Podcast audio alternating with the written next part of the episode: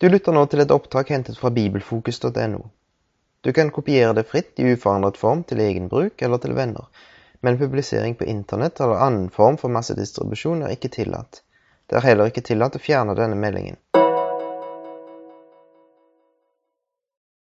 Ja.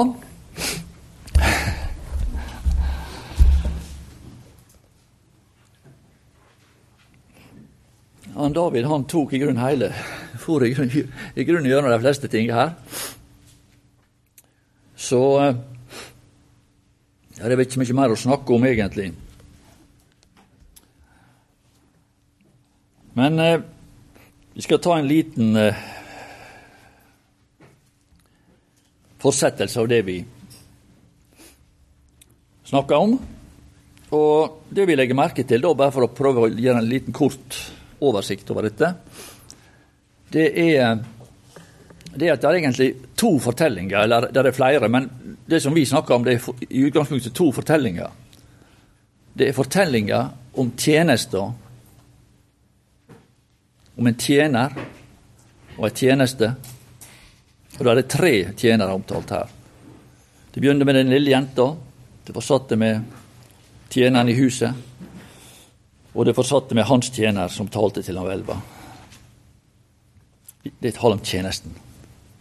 En tjeners skikkelse. Hvordan tjeneren kommer fram. Den tjener som tjener den Herre Jesus, da vi har denne tjeneste. Som også gjorde oss duelige til å være tjenere, sier Paulus. Også et tillegg. Når vi er blitt troende, kan vi oppta ei tjeneste. Og det er noe som vi ser som et privilegium. Vi kommet inn i en verden der vi begynner å, å innse det at Å, jeg har fått denne sjanse. Det er et tillegg til frelsa. Også. Nå kan jeg begynne i, i det små å oppta ei tjeneste du veit Stefanus han begynte med ei tjeneste, og så forfremma Herren han til ei enda større tjeneste. Han var Han begynner med noe lite, så forfremmer Herren han til å dø for seg. I en enda større tjeneste. Og så har vi fortellinga om korleis en stor mann blir frelst. Hvordan den spedalske kan bli en troende. Hvordan en synder kan bli en troende. Hvordan en spedalsk kan bli helbreda. Det er disse to fortellinger vi, eller disse to linjer vi har fylt, og liksom veksla litt imellom. Og ikke skilt så veldig sterkt imellom i denne utleggelsen. Men nå skal vi prøve. Vi skal lese kanskje da først For å knytte dette sammen, slik at det blir lettere også å følge med. Vi kan bare lese eh, fra vers 14 der, i andre kongebok 5. Så drog han ned og dukket seg sju ganger i Jordan etter Guds manns ord. Veldig sentrale ord. Det må en Guds mann til for at dette kan skje. Eller det må en person fra Det nye testamentet til. Det må en person som du finner i Timotiusbreva. Det er Guds menneske. Må til for at folk skal bli frelst. Det må dannes slike personer. De må oppstå iblant de troende. De må ikke bare være troende, men han må dannes karakterer som har disse ord, som blir til Guds menneske. Duelig til all godgjerning. Til all godgjerning. Og Du finner disse uttrykkene i andre Timotius brev. Dette er absolutt uttrykk. Herren skal gi deg forstand på alt. Så kommer du til lenger ute den hele Skrift, som er forutsetninga for kunnskapen om alt. For nå er den hele Skrift tilgjengelig, og Herren kan gi deg forstand på alt. Det er disse absolutte uttrykk som er veldig spesielle når du kommer til andre Korintiabrev. Nei, andre Timotiusbrev.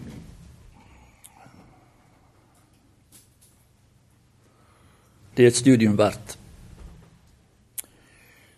Hans kjøtt kom tilbake på ham, og det var som kjøttet på en liten gutt, og han ikke ble ren, men han var ren.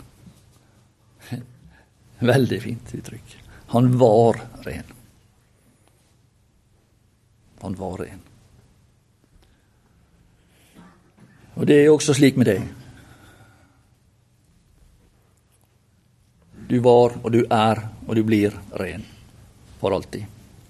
Er en irreversibel tilstand. Og blir aldri mer tatt opp med deg denne dag ved elva.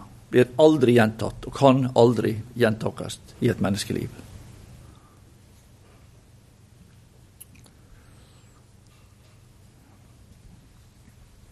Han vendte tilbake til Guds mann. Både han selv og hele følget hans. Og han kom og sto fremfor ansiktet hans. Han sa sannelig, nå erkjenner jeg at det ikke finnes noen Gud på hele jorden uten i Israel. Ta derfor imot en gave fra din tjener. Og lenger kommer ikke vi å si noe om denne fortellingen.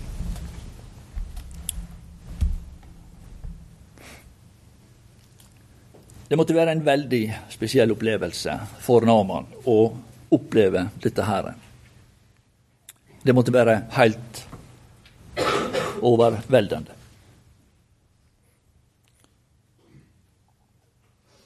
Når vi slik da videre skal prøve å bevege oss til den åndelige virkelighet, som vi da gjør, så setter kanskje ikke jubelen fullt så lavt. Men hvis vi tenker litt objektivt på det, er det noen grunn til at når Gud lager ei frelse,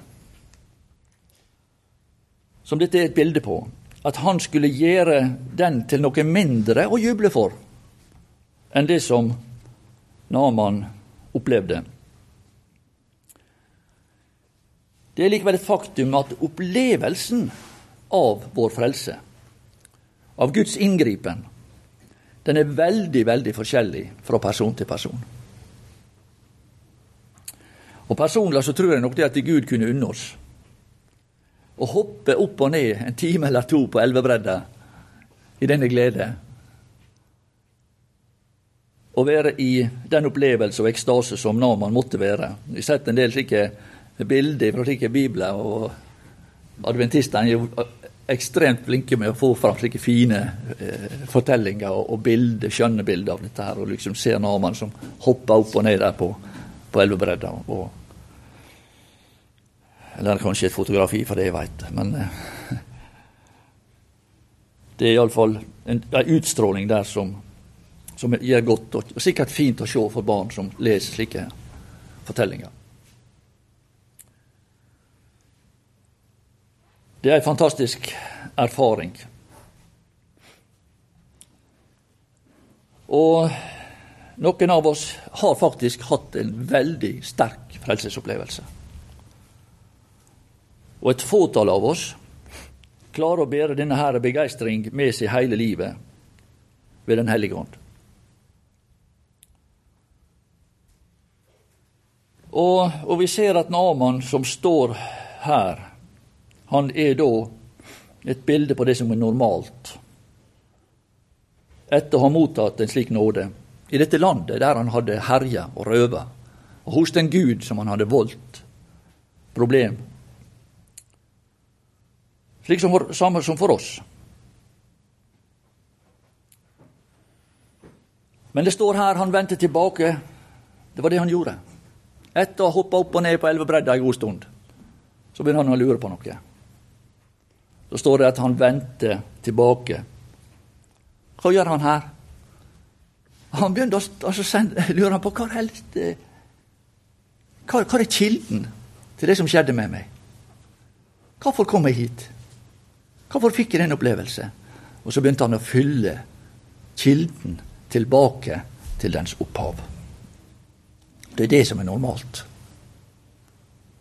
Det er det som er normalt. Og den som ikke vender tilbake, så kan vi nå spørre i hvilken grad Den hellige ånd har fått levendegjort for oss det som er skjedd med oss i frelsen. Og dette vil være kritisk for vår videre utvikling som troende. Hva vi er frelst ifra, og hva vi er fått del i. Og dessverre så gir jeg iallfall den opplevelse at mange av oss ikke ser ut til å vende tilbake til Kristus etter at vi har blitt rensa.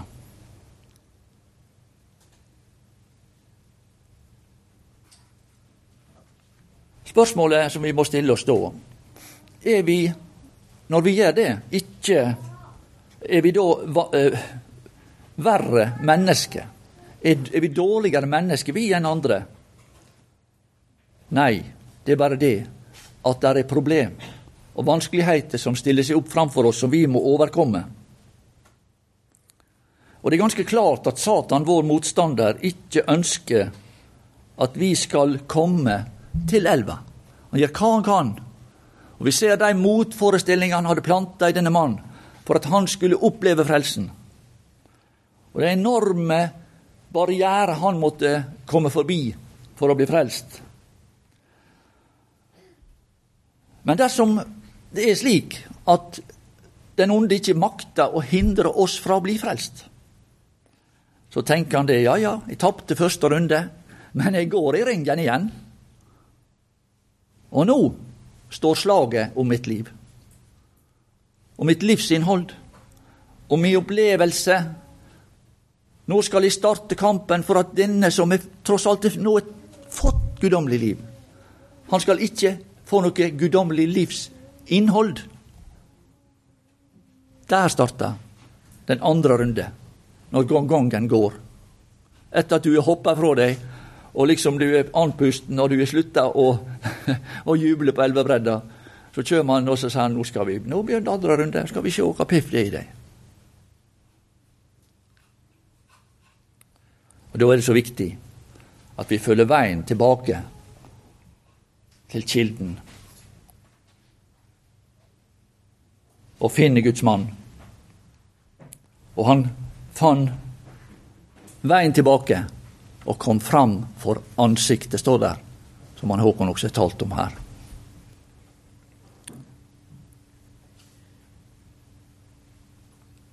Vi må altså da ikke bare bli gjenfødt, innført i Guds bok i himmelen. Gled dere over at deres navn er skrevet i himmelen. Men vi må også gjøre det som det står ved begynnelsen av første Timotius brev, som er blitt frelst. Pluss står der. Enkel regning. Og har lært virkeligheten, sannheten, å kjenne. Da kan vi lære sannheten å kjenne. Og hva lærer vi den å kjenne? Den lærer vi framfor ansiktet. Der lærer vi sannhet å kjenne. I Kristi nærhet lærer vi sannhet å kjenne. Og det er jeg, står der, som er veien. Og når du kommer inn på veien, så kommer du til sannheten. Har lært sannheten å kjenne. Hva så står det neste omgang, når Jesus snakker om dette? Jeg er veien, sannheten. Og når du lærer sannheten å kjenne, så begynner du å leve. Den fører deg inn til livet. da begynner du å leve. Og lenger er ikke å komme. Da lever du. Og for evig. Og vi må simpelthen sjøl sjå at vi står der for Guds ansikt. Vi må oppleve ting. Vi må oppleve å stå framfor Hans ansikt. Og det Gud ser, det er nettopp dette at det er ikke bare at vi må se, men vi må erfare at vi står for Guds ansikt. Og at det Gud ser, det er utseendet til en liten gutt. Uten ei skramme, ikke en flekk. Og der er bare barnslig forventningsfullhet og uskyld. Det samme som han så den dag han steg opp ifra elvebredda. Men så må han se det samme framfor Guds ansikt, framfor disse ransakende øyne, og stå framfor ditt ansikt, kunne oppholde seg der og se det i sammen med Gud. Og det er en mye større utfordring.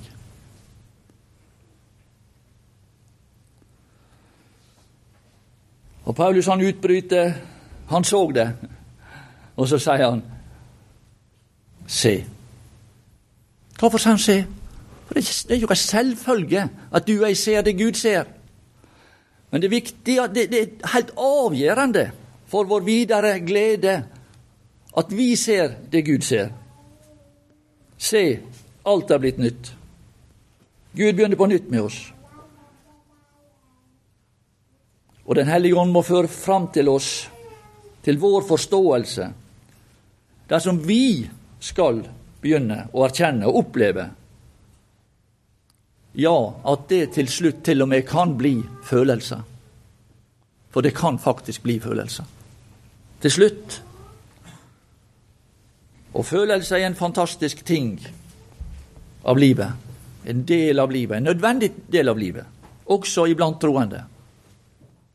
Vi trenger gode følelser.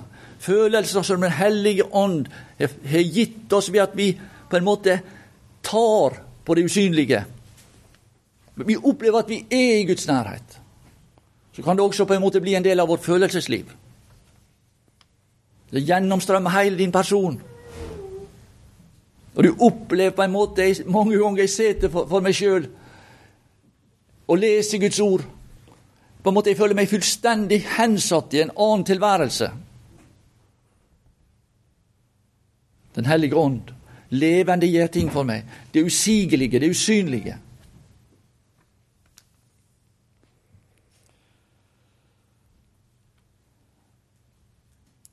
Ja, det er stor forskjell.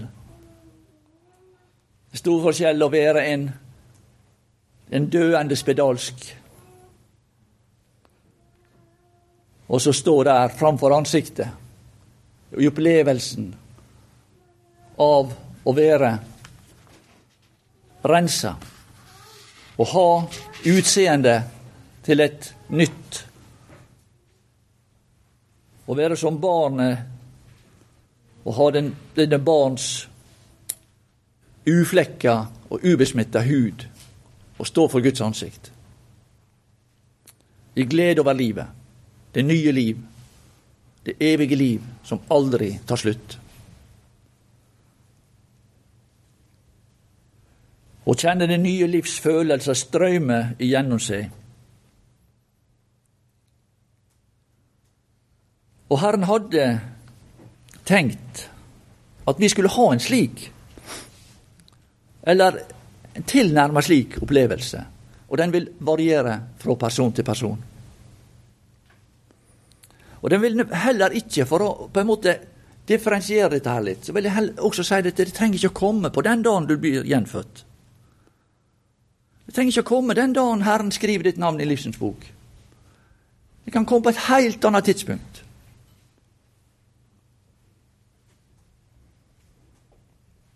Min frelsesfryd, den trenger ikke å komme den dagen du blir gjenfødt. Det kan gå mange mange år før at du egentlig kommer inn og begynner å forstå hva dette dreier seg om.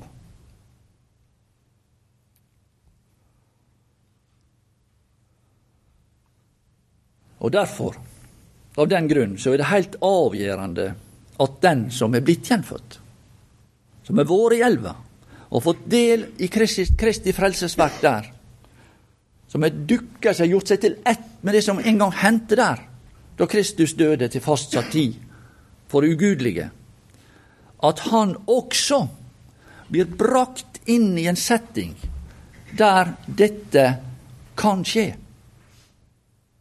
Han må bringes fram for ansiktet. Han er nødt til å følge stien tilbake til kildens utspring for å bli stående framfor ansiktet til den Guds mann som er et bilde på den Herre Jesus. Det er erkjennelsens sted. Nå erkjenner jeg. Der erkjenner jeg. Nå erkjenner jeg. Plutselig hadde han en opplevelse. Her, oppkjenner, her erkjenner jeg.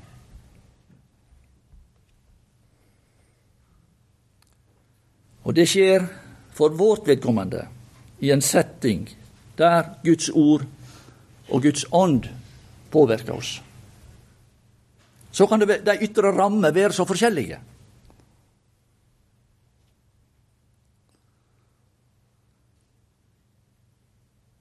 Denne legemlige helbredelse som denne fortelling her beskriver for oss, den er jo lett å konstatere. Lett å registrere. Åndelig helbredelse, nytt liv, er i utgangspunktet med menneskelige sanser helt umulig å registrere og vite noe om.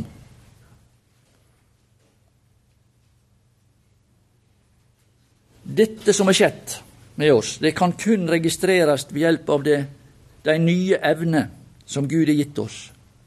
De nye gener, de nye sanser som Gud har gitt oss.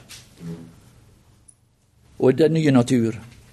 Derfor er det så viktig, om ikke det er helt avgjørende for oss og vårt videre liv, at vi bruker tid, og helst mye tid, i et miljø som kan sette disse nye evnene i funksjon. For de må komme i funksjon.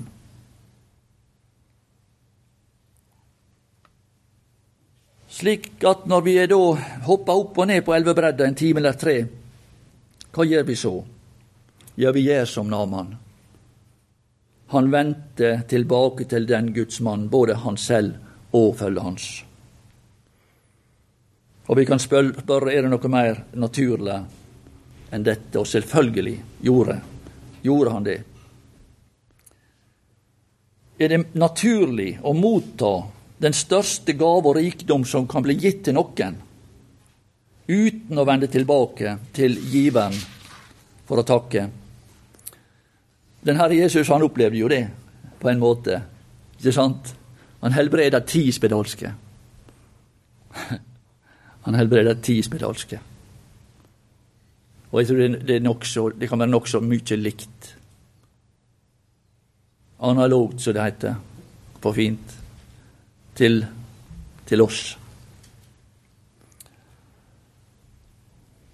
Men bare én av dem står der venter tilbake for å gi Gud ære.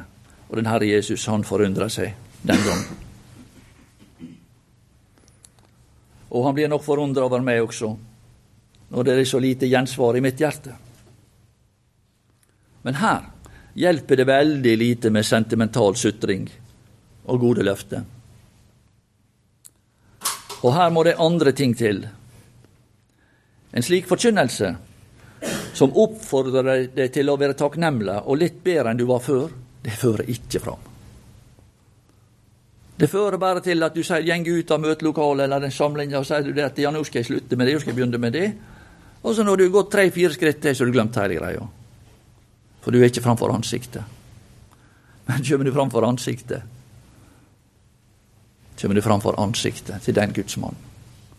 Du må fram til erkjennelsens sted.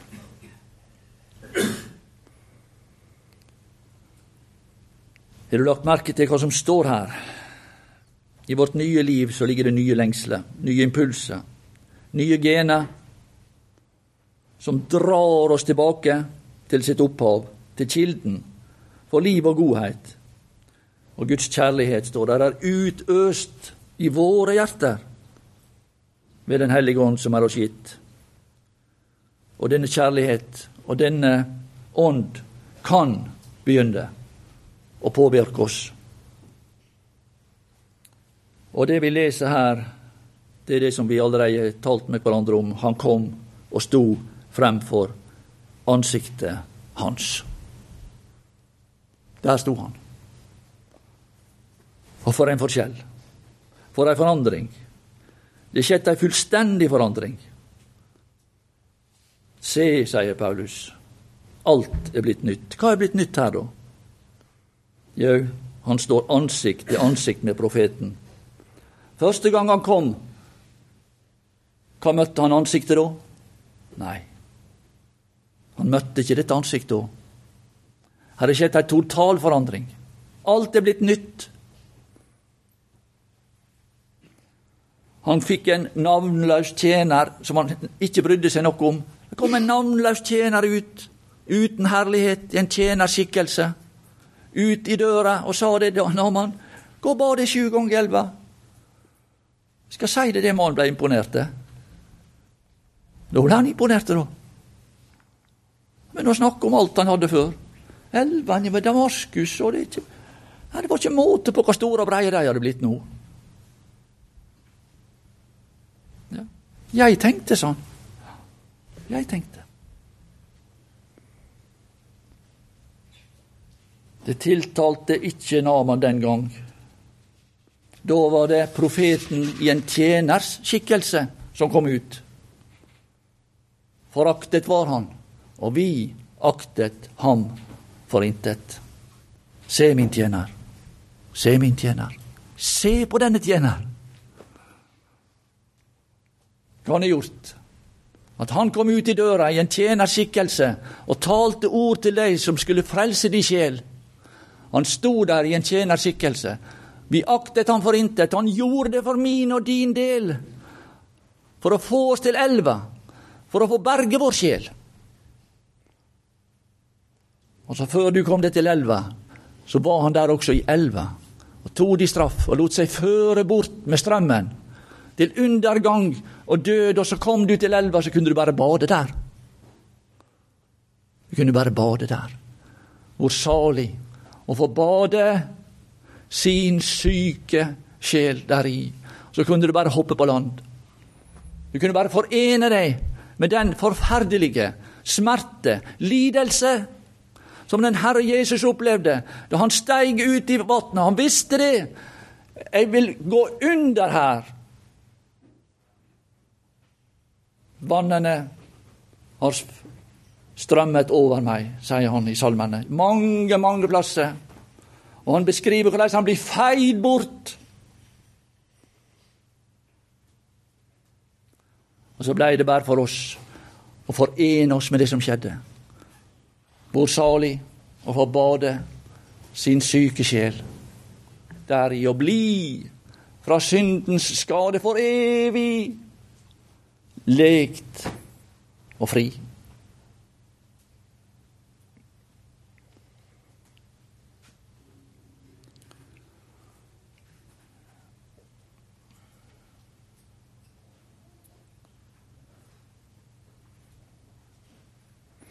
Men nå, når han denne gangen kommer til huset, så er alt forandra. Nå er mannen forandra. Og det som skjedde på fjellet, som Håkon snakka om Plutselig var han forandra.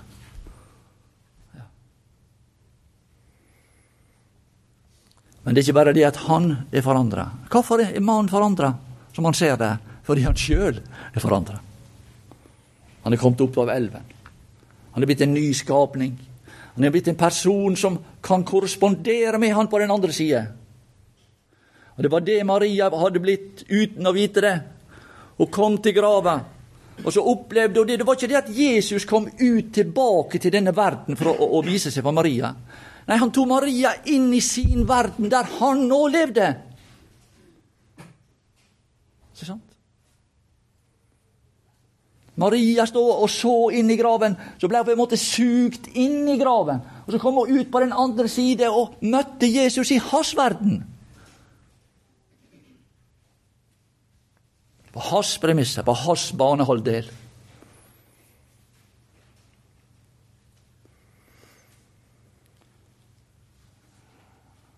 Ja, dette er bildet. Men det er vidunderlige bildet. Og jeg ser liksom for meg Gud, når han skulle skrive disse fortellingene, så ser han og koser seg, og så skriver han. Skal tro noen oppdager hva som står her noen gang. Det er noen som ser min sønn og hans frelse i disse ting. Skal tro om det er noen som bryr seg. Og bøyer sine kne over denne bok og leser disse fortellinger og gleder seg sammen med meg når jeg beskriver min sønn. Jeg kan ikke la være å skrive om min sønn overalt. Det er det som fyller mitt hjerte. Og nå vil jeg se om det er noen som er interessert i det som jeg er interessert i.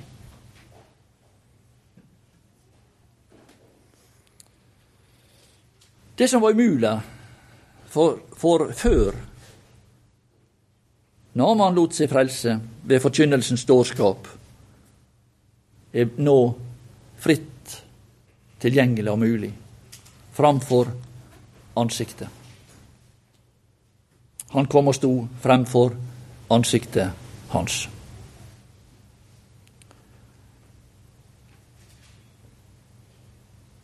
Han som før var i huset, utilgjengelig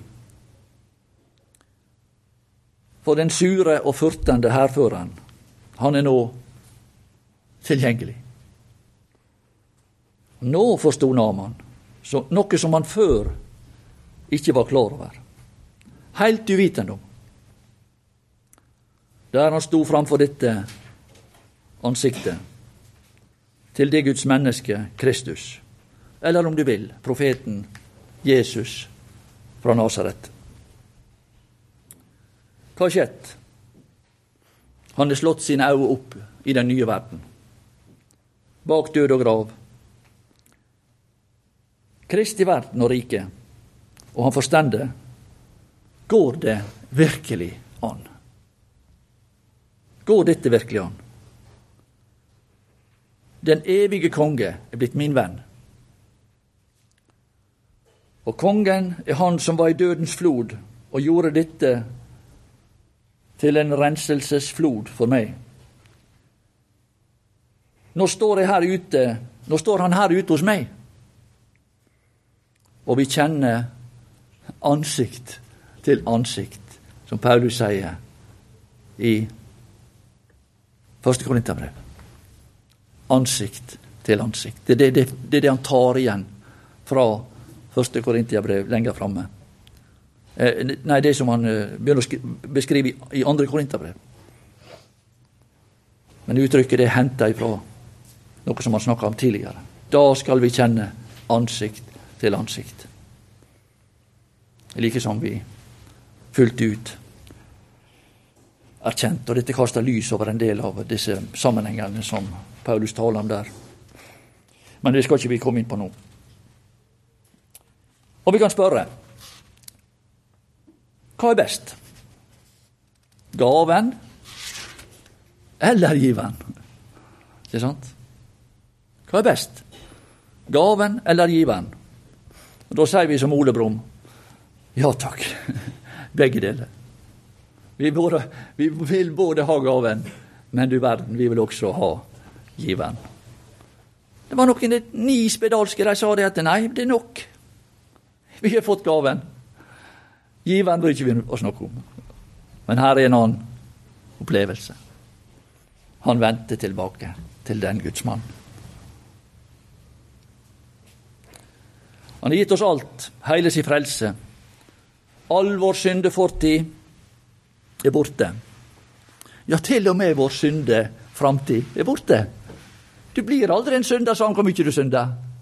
Blir aldri ferdig til, skjønner du. Får ikke det til. Du blir aldri en synder.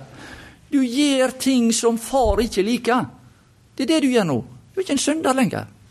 Men du gjør ting som far ikke liker, som han må ta etter hvert med deg i livet. Du kan kalle det synd, men det er ikke lenger synd i den forstand som kvalifiserer til dom og, og, og forkastelse og fortapelse. Det kvalifiserer til behandling. For dommen, bedømmelsen, må begynne med Guds hus. Men så blir den ferdig her i verden. All dom over oss, den avsluttes med vårt liv. Og Derfor står det dersom vi dømte oss selv, så ble vi ikke dømt. Vel, vel, det er nok sagt i Kristi domstol. Det skal ikke vi forbisjå. Der ting liksom endelig må settes på plass. Hvis vi ikke tar det mens vi lever. Konsekvensen av alt jeg har gjort, og alle mine feilgrep, og det jeg har forgått med meg, og forgår med meg, vil aldri skille meg fra Guds kjærlighet. Aldri. Men så, større enn noe annet, tilbyr han oss seg sjøl. Klar over det? Han tilbyr oss seg sjøl. Sitt eie selskap. Det er nåde, det. Én ting er at jeg, hvis jeg er rik, kan ta og ser et behov, og så kan jeg gå og ta lommeboka og slenge til en person 1000 kroner, eller 10 000, eller 100 000 kroner. Men å bli dragende med den fyren resten av livet, det er noe ganske annet. Hæ? Det er noe ganske annet. Se hvor stor kjærlighet Faderen har vist oss. At vi skal kalles Guds barn. Ja.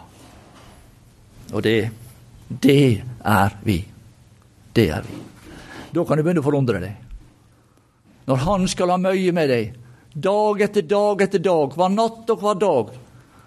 Han skal aldri svikte, han skal aldri slippe sitt øye av deg resten av livet.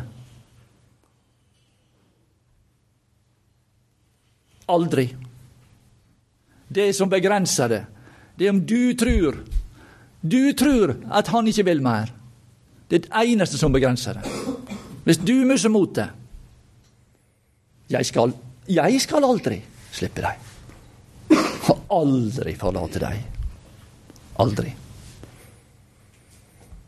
Ingen skal si til han i den evige verden Ingen, ikke ei, ei, makt, ikke Satan. Ingen skal komme fram og si det. Ja, men du makter ikke å ta det av deg. Se der, dine krefter svikter. Du makter ikke å ta det av han, og ikke han, og ikke hinne. Aha, aldri. Aldri skal det henge ved hans navn. Aldri. Er du i vanske, er du i mørke, tru aldri at Han slipper deg. Han slipper ikke deg.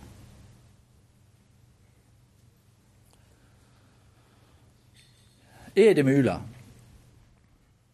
å se forskjellen på opplevelsen ved elva og opplevelsen i møte med Guds mann? Så det er viktig for oss på en måte å se denne forskjellen her. Opplevelsen i elva, opplevelsen i huset, ved huset, i huset. Han fører oss til et hus som er menigheten, som er den levende Guds menighet. Så fører oss inn i huset. Huset, som er den levende Guds menighet, der vitnesbyrdet går ut ifra. Gå og bad deg, gå og vask deg, syv ganger i Jordan. Én ting er det å få erfare Kristi gave og verk. Noe helt annet er det å komme i personlig nærhet til Han og bli Hans fortrolige og erfare de krefter som går ut ifra Han.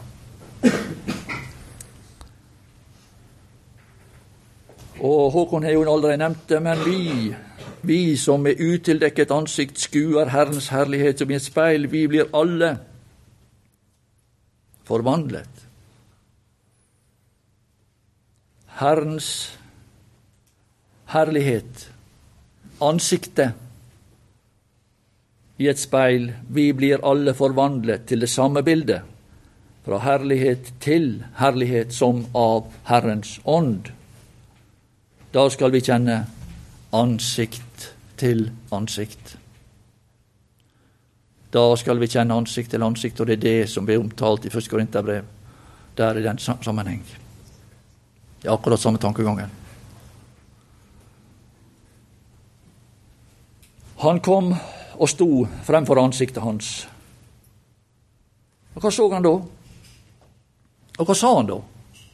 Nå erkjenner jeg. Her erkjenner jeg. Dette er erkjennelsens sted.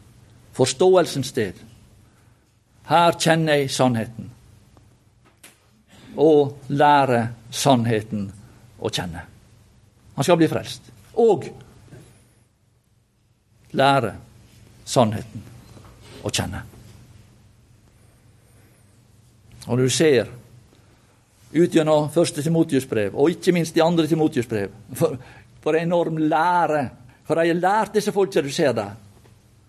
Du ser kvinnene, hva de hva vidunderlig skjønt alt det der. Ser du hva skjønt det, alt der? Ser det alle disse personene som beveger seg der? For skjønt det? Det er etiketten fra palasset som Paulus er inne i kapittel 1. Den kommer ut og fyller hele disse, disse kapittel med vidunderlig innhold. Jeg vil! Jeg vil, sier Paulus. Og det er ekkoet fra, fra slottsbalkongen der Paulus står og ser utover denne verden sammen med den Herre Jesus. Jeg vil, sier han. Han ser utover, han står der på, på slottsbalkongen i Slottet sammen med den evige konge. Jeg vil! Og Så kommer Paulus ned, og så blir det slik som kongen der oppe vil, gjennom Paulus sin forkynnelse. Det blir slik. Der leves det stille liv, i all Guds frykt og sømmelighet. Og det er det liv som er i den evige verden. Det var det liv Paulus hadde sett der, i Slottet.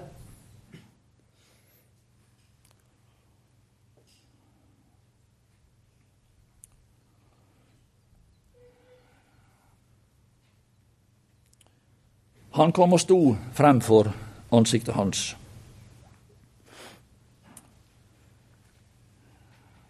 Nå er han kommet til et sted der han kan måle størrelser.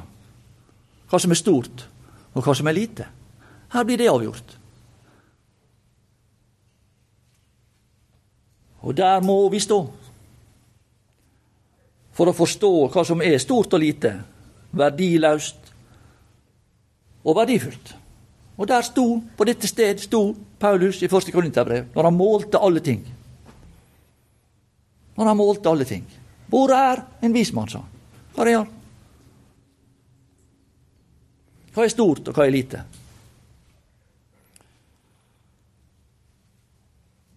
Hvor er alle disse store? Hvor er en vismann? Og når han sa Han stod og så seg rundt, og så sa han det. Jeg kan ikke se dem heller sånn. Finnes ikke. Det finnes ikke. Det var det han sa. Det finnes ikke lenger. Det er vekke. Det er bare én igjen. Og det er Gud i Israel. Ja. Ikke nå lenger. Ikke nå lenger. Nei da, nå er de vekke.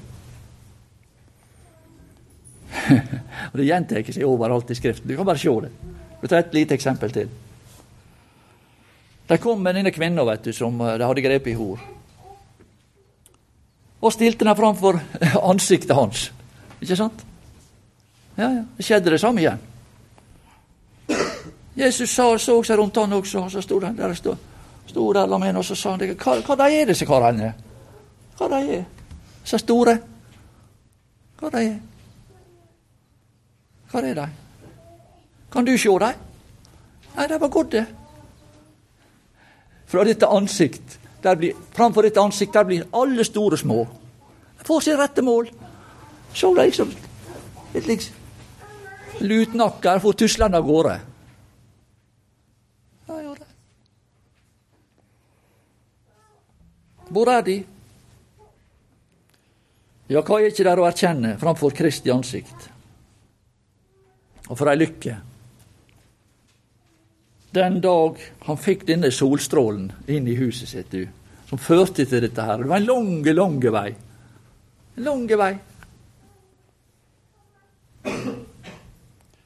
Og disse Tre trinn, tre tjenester, tre tjenere måtte til for å bringe denne mannen inn i denne fantastiske lykke. Så betalte igjen og igjen til han.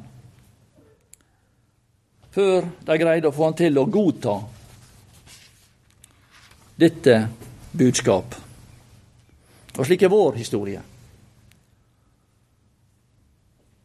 Bare så mye umåtelig mye viktigere på en måte, fordi det har en evig betydning. Med et evig resultat. Nå erkjenner jeg, og jeg erkjenner det at tida er ute, så jeg tror vi skal bare gi oss her. Jeg tror det at vi kommer ikke lenger med dette. Det er så mange ting eh, vi har lyst til å snakke om, og jeg eh, kjenner at det er fristelsen for meg det at jeg har lyst til å snakke om kanskje litt mer slike finurlige ting. Men jeg fant det rett å prøve å snakke litt enkelt til dere i dag om dette, disse tingene her. Jeg ser her er mange unge, og jeg har lyst til at dere skal forstå, for jeg veit at det er en tøff kamp der ute. Det er en tøff kamp om deres, eh, liv, deres åndsliv. Og jeg vil ønske dere lykke til, alle sammen. Håper det at eh, når dere nå kommer for dere sjøl, at dere tar opp denne bok. Den hele Skrift er innblest av Gud. Hva det vil si? Gud er pusta inn her. Og når du går inn her og så åpner du denne boka, her, så kommer Den hellige ånd. Og du drager Guds pust til deg. Sant? Du kan begynne å puste Guds pust inn i deg. Så kan du gå ut igjen, og så kan du puste på andre. Gjør du det samme som Gud gjorde? Han blåste livets ånde i dets nese. Kan du begynne å puste? Var det denne lille jenta gjorde. Blåste livets ånde inn i Naamans liv. Herre Jesus. Vi takker deg for ditt ord. Vær med oss når vi nå går hver til oss. Du skal følge med oss. Du skal aldri slippe oss. Jeg skal aldri slippe deg. Nei, aldri skal jeg forlate deg. Takk for dette løftet, Herre. La det følge med oss når vi nå reiser hjem hver til oss. Men du skal være sammen med oss. Takk, Herre Jesus, for disse dager vi fikk ha i lag her.